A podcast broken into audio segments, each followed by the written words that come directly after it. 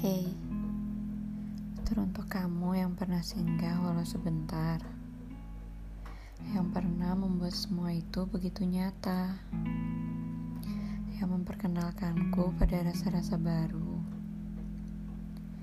Teruntuk kamu yang gak akan pernah ku sebutkan namanya.